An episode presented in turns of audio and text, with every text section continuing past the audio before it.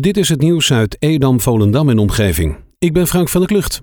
Vanmiddag is er vanaf 1 uur een speciale live-uitzending op LOF TV. De uitzending staat volledig in het teken van de koninklijke onderscheidingen die dit jaar zijn toegekend aan inwoners van de gemeente Edam-Volendam.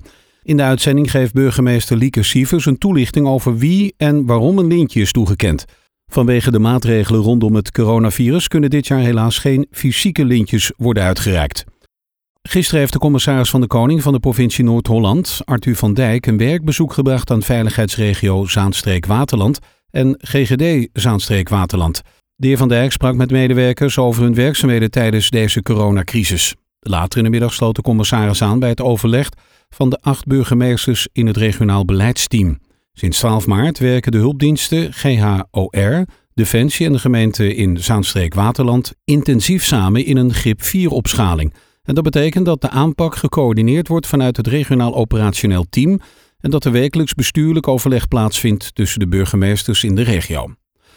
De afgelopen weken is er op diverse plaatsen in het land brand gesticht bij zendmasten. Mobiele telefooncommunicatie behoort tot de vitale infrastructuur, die juist nu noodzakelijk is in de samenleving en levens kan redden. De uitval van vitale infrastructuur heeft direct invloed op de mobiele bereikbaarheid in de gemeente.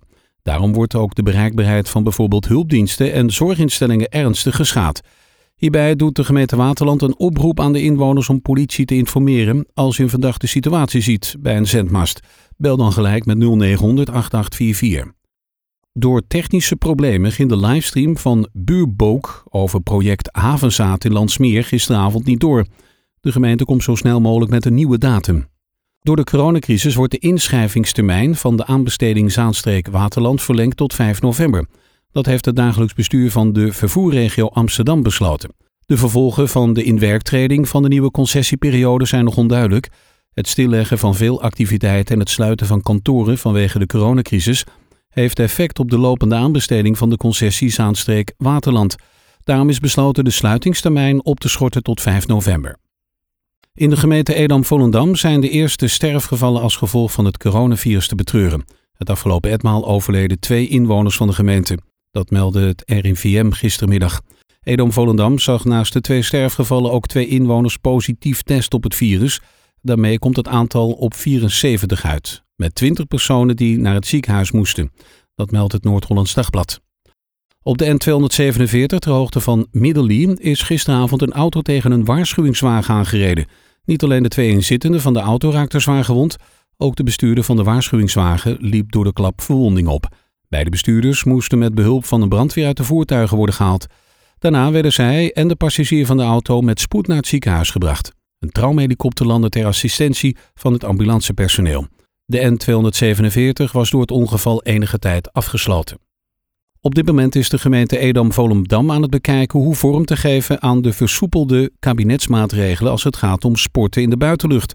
De gemeente doet dat in overleg met de buitensportverenigingen, de Alliantie Kansrijk, de Sportkoepel en het Sportplatform.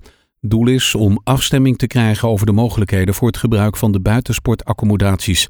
Ouders mogen niet op de accommodatie komen, zet ze dus voor de deur af en kleedkamers, toiletten, douches en kantines blijven dicht.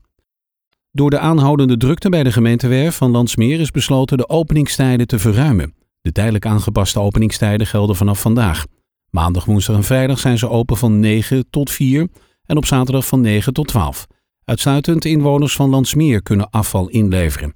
Je dient dan een legitimatiebewijs bij te hebben en anders heb je geen toegang tot de werf. Tot zover het nieuws uit Edam, Volendam en omgeving. Meer lokaal nieuws vindt u op de Love Kabelkrant, onze website of in de app.